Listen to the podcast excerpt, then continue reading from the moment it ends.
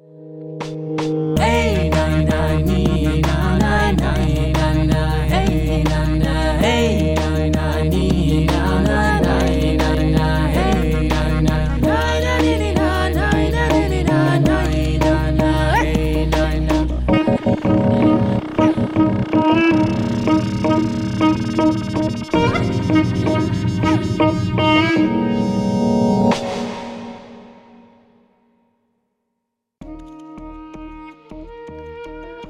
оваа приказна наречена Зен, доловуваме седум инспиративни животни искуства на идолите за цели генерации, кои ќе послужат како пример, водилка, одредница, дека се е возможно во овој живот.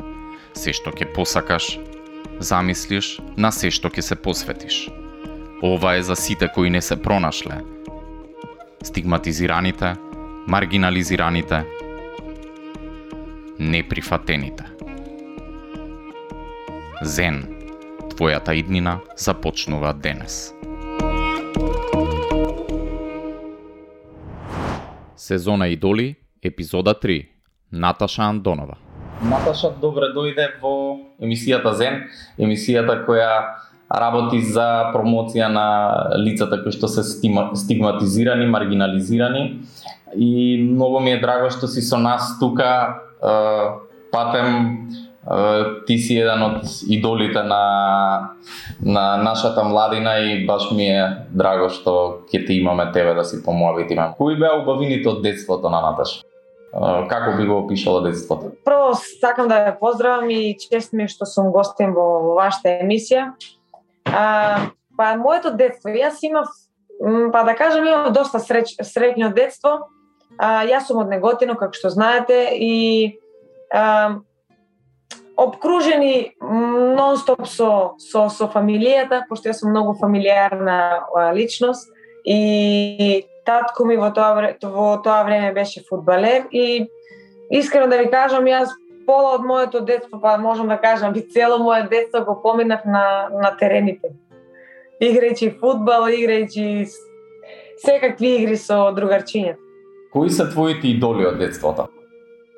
Дали ги памтиш идолите? Да, мој идоли од детството се, еве да кажам за фудбал, поточно заради тоа што е, само фудбал гледав и можам да кажам дека идол ми е Роналдиньо и Зидан. Роналдиньо и Зидан ми беа не знам, нонстоп видео гледав од нив, нонстоп кога игра на светско првенство, на европско кога играше Зидан, значи нонстоп ги гледав. Си имаш запознаено со некој од нив двајца? То ни двајца не, затоа што тие се постара генерација малку и а, нели прекинаа со кариерата, но сепак еве се уште едниот е во Реал Мадрид, а Роналдио не знам ни каде е сега. Така да јас оваа понова генерација со Меси да се запознавме со Роналдио, но не.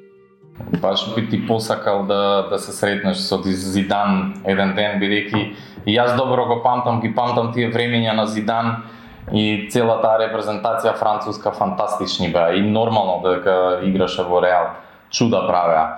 А, дали се секаш на моментот кога одлучи дека сакаш да бидеш фудбалерка? Кога беше тоа? Па знае, знае јас јас уште мала имав желба и имав љубов према фудбал, заради тоа што татко ми беше фудбалер, моите дедовци фудбалери, моите вујковци. Ние цело татко ми прво играше во село Долни Дисцен, од каде што потекнуваме ние како како семејство, тој играше таму, потоа играше во Вардар во Неготино, бе играше во Пелистер, знаете, во тоа време фудбалот колку беше добар кај нас во, во Македонија за разлика од сега И немаше некој клучен момент да кажам е сега одлучив да бидам фудбалерка, него а, единствено ми се вроди таа љубов спрема фудбалот и а, не само татко ми, него и неговите колеги видоа дека јас имам талент и секогаш му вика на татко ми нема да ја оставиш тука. Заради тоа што јас кога бев мала и кога играв со со дечиња на моја возраст, ја, јас бев а, јас се разликував многу од нив затоа што бев добро, подобро од нив во секој во секој смисол. Но знаете кога потоа кога ќе ќе пораснеме и негде кога ќе наполниме 10-11 години, знаете, машките се поснажни. После тука е разликата во височината, во снажноста и се, али кога сме мали сме сите исти. Може да се каже дека талентот ти е наследен? Да, талентот ми е наседен, заради тоа што нели, како што кажав, мојата фамилија сите се занимаваа со спорт и така да мене ми се вроди таа љубов. И јас уште мала знаев дека сакам една ден да бидам а, врвна фудбалерка, што фала му на Господ, тоа и ми се оствари. Честитки на вистина. Ретко сте од нашата земја девојче кој е спортист да биде на, на врвно ниво со, со години години и таму да остане, а ти си се уште млада, така да пред тебе гледам уште светла кариера. Балското европско првенство од 2010 реално ние како тим не поминавме баш најдобро. Меѓутоа ти како како поединец блесна тогаш. И од тогаш натаму твојата кариера катапултираше, може да се каже.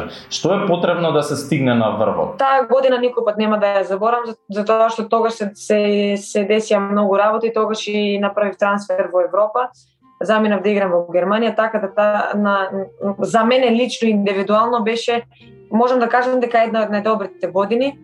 А, ми помогна тоа европско првенство ми помогна многу за понатаму во кариерата а, пошто знаете кога играте на, едно европско првенство, таму има доста скаути, има екипи од цел свет што гледаат, што пратат и си секој пат ги бараат талентите. Така да мене ми беше тоа една одскочна даска, можам да кажам, за за во Европа каде што стварно имав понуди од доста клубови, но на крај одлучив да останам во Германија каде што што што и бев за еден за да, за да успееш во ова еве јас сега што сум во фудбал, треба многу труд, значи многу труд, треба многу работа, треба многу откажување, треба многу посветеност, треба многу а, дисциплина. Значи јас знам мои пријатели, мои другари каде што биле врвни фудбалери, значи врвни фудбалери, но не успеале, не успеале поради тоа што во животот имале други приоритети. Мене приоритет ми беше да излезам од Македонија и да играм а, да играм во некој добар европски клуб. Сигурно си имала некои стравови поврзани со со таа преселба.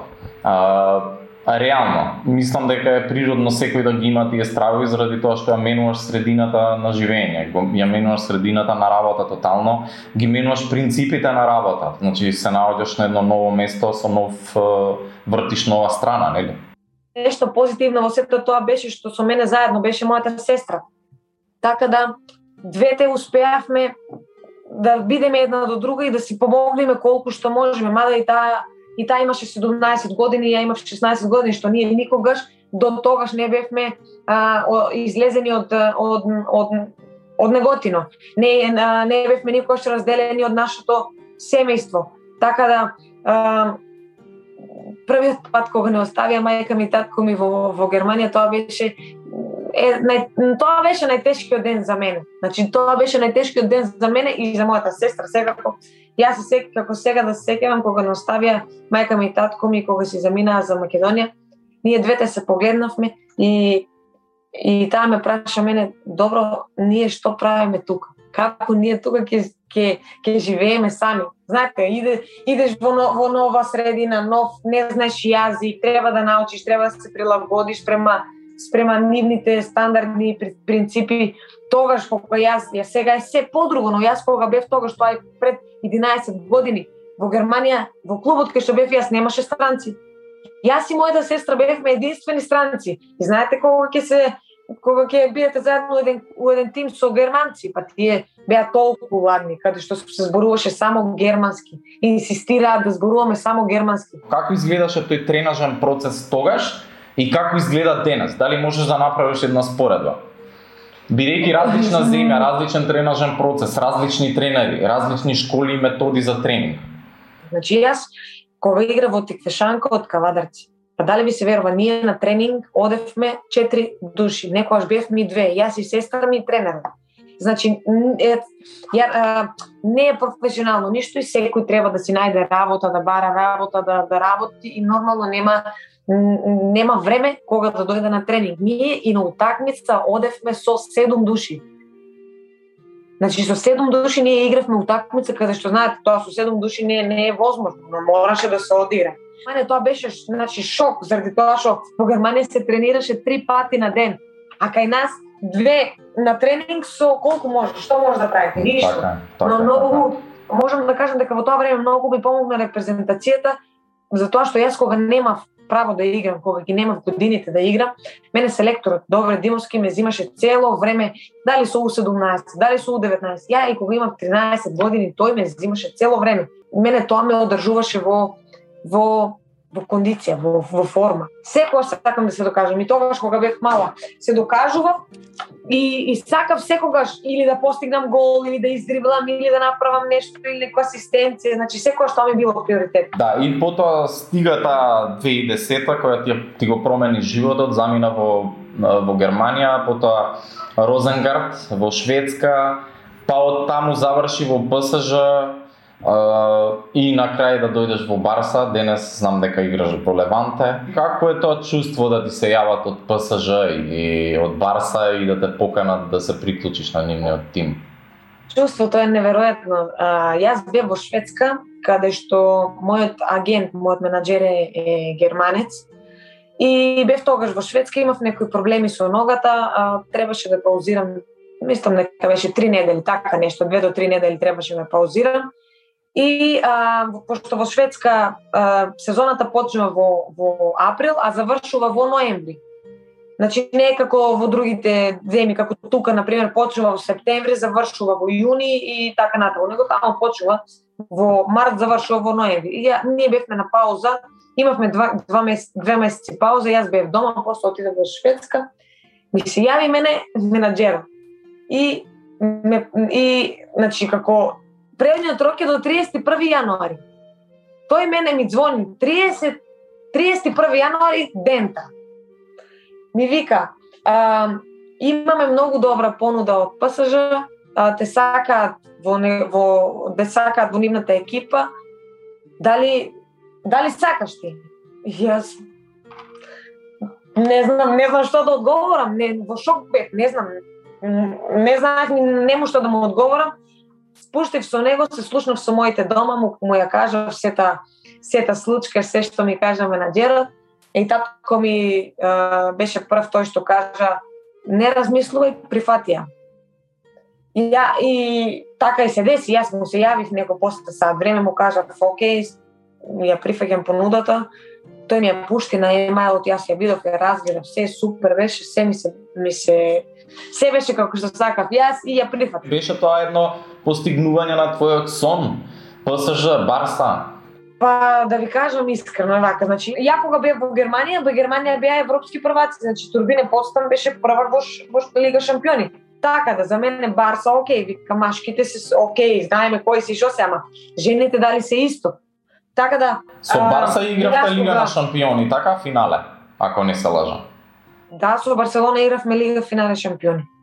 И со ПСЖ тогаш кога бев игравме Лига, Лига финале шампиони. И со подстам кога значи три пати сум била во Лига на шампиони. Со три различни клуба играше финале на Лига на шампиони. Да. Секоја чест. Ама се уште немам освоено така да тоа ми е единствената цел ми е сега да освоам Лига на шампиони со било кој клуб. Јасно, јасно. Кажи ми, дали имаш неостварен сон на професионално поле? Еве кажавме конкретно еве, еве, освојување на Лига на шампиони. Исто така неостварен сон на професионално поле ми е а, да можеме да се пласираме на европско првенство со нашата женска репрезентација. Тоа го гледам многу тешко, но никогаш не не губам надеж. Затоа што ако не во овие твои времиња, можеби ти ќе бидеш е, оно инспираторот кој ќе повлече многу работи. Е, зошто да не може да те гледаме и тебе како не, некој стручно лице утре? Ми понудуваат нешто за да бидам тренер на, на женската репрезентација, но јас се уште имам уште многу да играм на професионално ниво. А, така да на тренерска позиција не се гледам сега во моментот, но но за неколку години зошто да не, не јас секогаш сум отворена и секогаш сакам да помогнам а, во фудбалот со моето искуство, со моето а, познавање, со со моите пријатели и многу луѓе што познавам во мојот во мојот живот, а, јас сум секогаш отворена да помогнам на кај нас доле во Македонија во ева во женскиот фудбал. Јас знаеш дека сум лице со попреченост и дека работам на промоција на правата на луѓето кои што се од социјално ранливи категории. Па едно прашање кое би сакал да го одговориме, односно да ми дадеш твое видување. Што мислиш дека општеството може да научи од овие лица? Тие личности не бараат многу, тие бараат само да бидат прифатени. А ја не знам зошто на едно општество тоа им пречи. Значи ние сме сите исти, сите сме еднакви. Јас секогаш кажувам и тоа го знаат сите. Јас искрено на тие личности јас им, им завидувам. Значи колку се позитивни, колку се насмејани, колку се колку имате емпатија према другите луѓе. Портрет Љубов, сила, слобода. Ирена Поповска.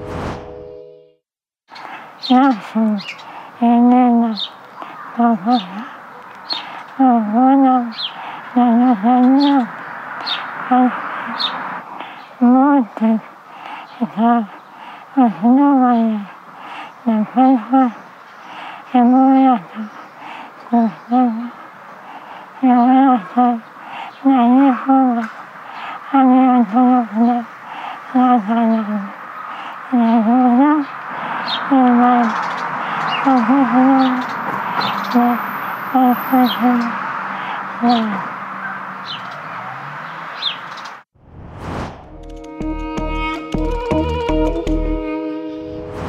Мене ми е многу драго што ти се приклучи на оваа мисија, која се нарекувам љубов, сила, слобода. Како се мотивираш пред мечевите? Може ли да не откриеш како изгледа тоа, тој процес на мотивација? Нај најчесто се мотивирам а, со мои со мои видеа од од мои голови, мои акции, мои асистенци.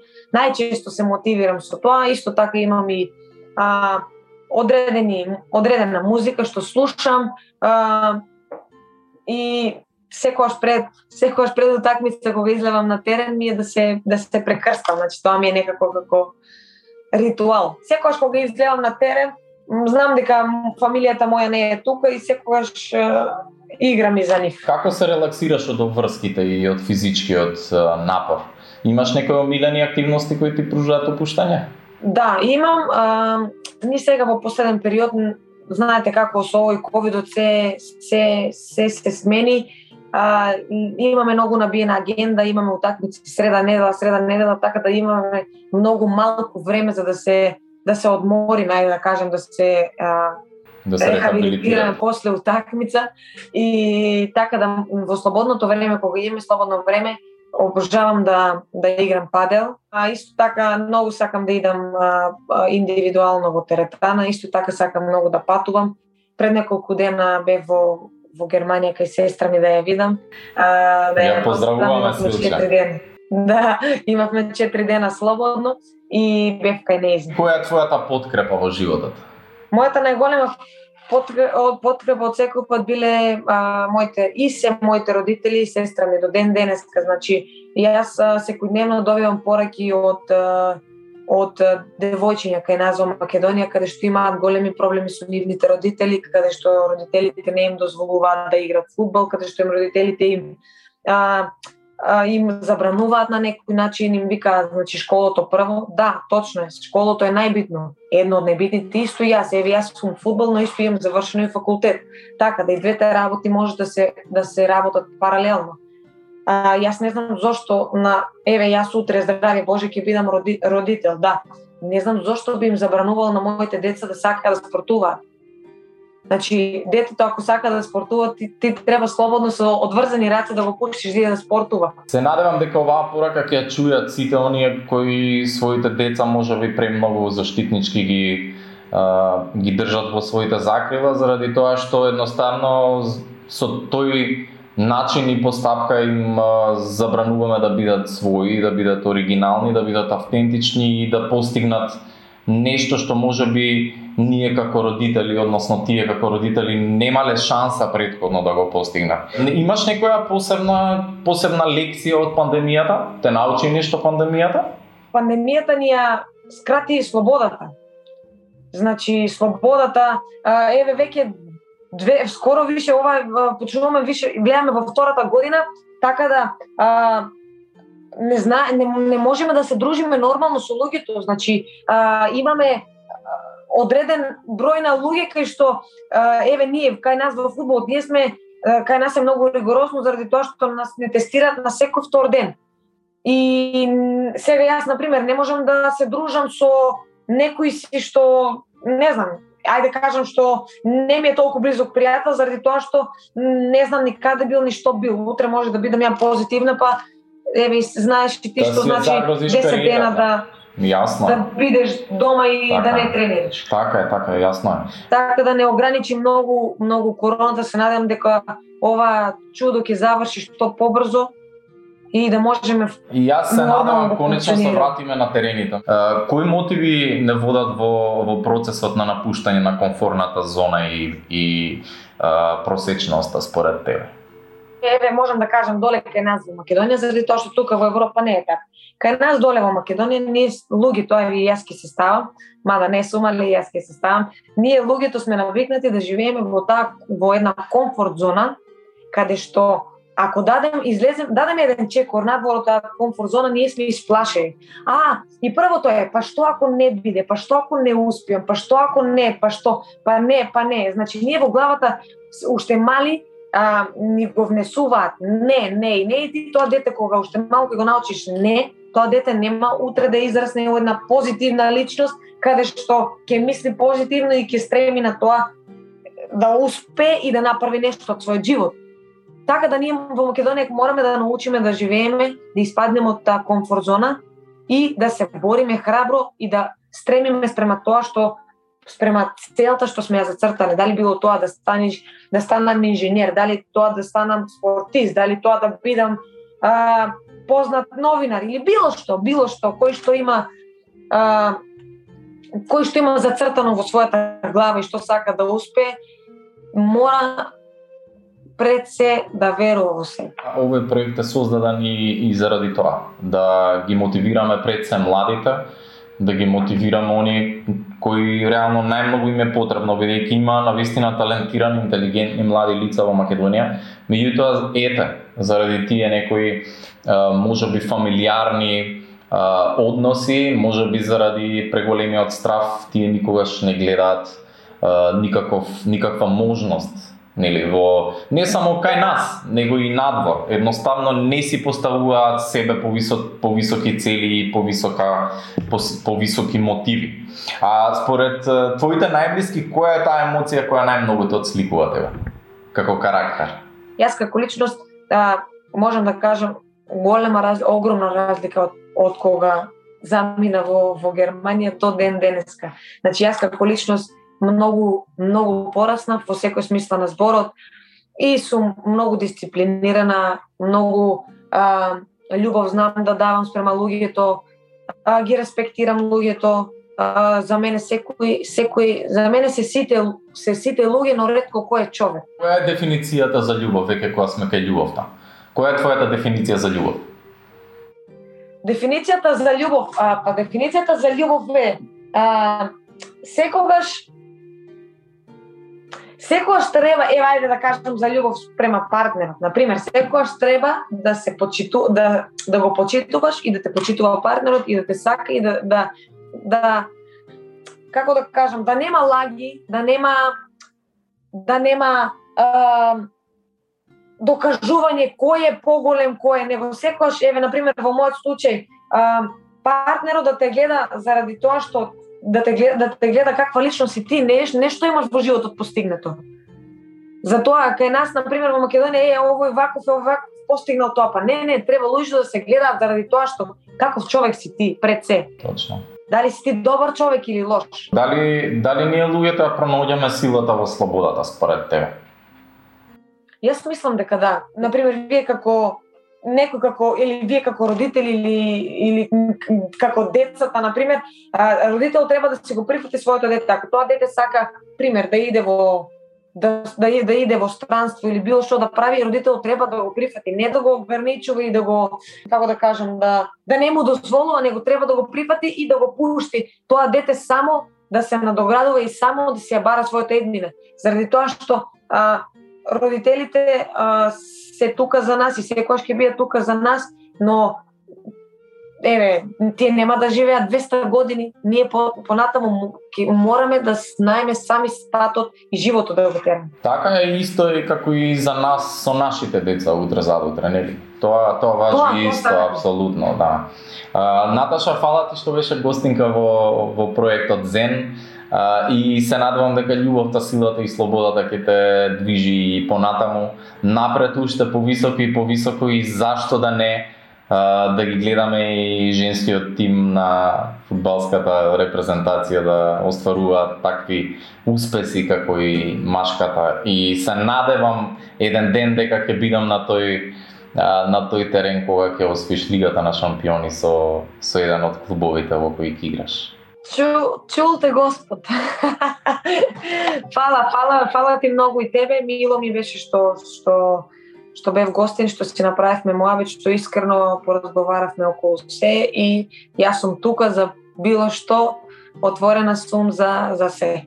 Фала ти многу, што еднаш. Убав ден, чао. И благодарам. Чао. Ајде, чао.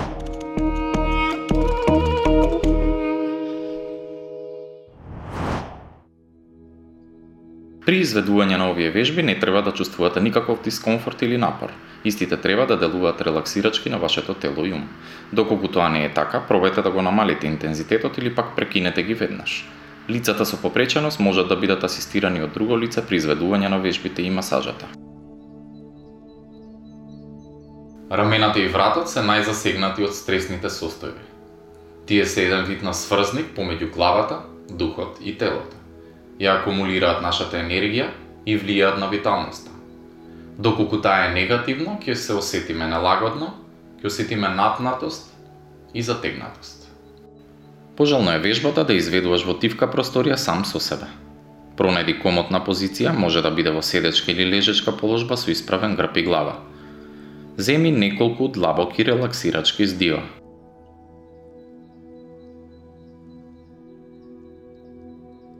Најпрво десната рака поставија паралелно на телото малку одвоена. Држејќи ја раката во таа положба, истегнија дланката нагоре и нанадвор. Подспушти го рамото и наслонија главата полека кон спротивното рамо од раката која ја истегаш. Вдиши и издиши полека пет пати.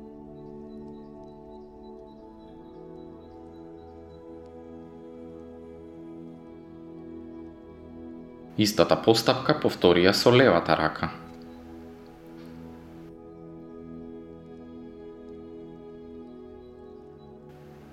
Надополнија вежбата со масажа на соодветните акупресурни точки одговорни за рбетот и вратот. Истите се наоѓаат долж палците од надворешната страна. Масирај ги кружно или со нежно притискање и опуштање 30 секунди.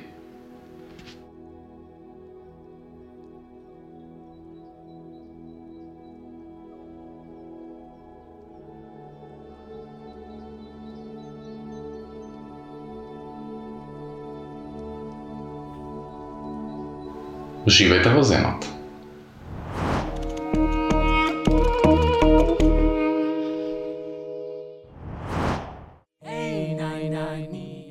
Првата колекција на Зен, обштествено одговорниот бренд составена од колористични маечки со оригинални написи и апликации, како и рачно изработените алки се достапни на equality.agency коса црта shop.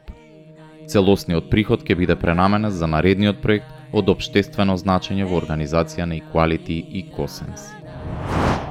Доколку не сакате да ги пропуштите наредните епизоди на Зен, заследете го нашиот YouTube канал Zen TV и Spotify каналот Биди Зен. Не заборавајте да го кликнете и звончето за нотификации, за да ве подсети веднаш по објавување на секоја епизода.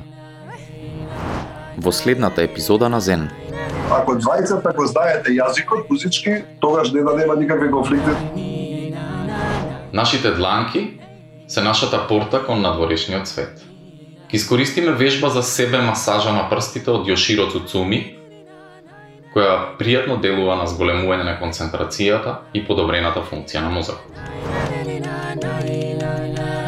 Така да јас сакам да, да концерт да пружам искуство, а не да ги забавувам. Мојата порака до општеството е при, прифатете не, огледајте се на нас, ние сепак успеваме да ги исполниме нашите соништа.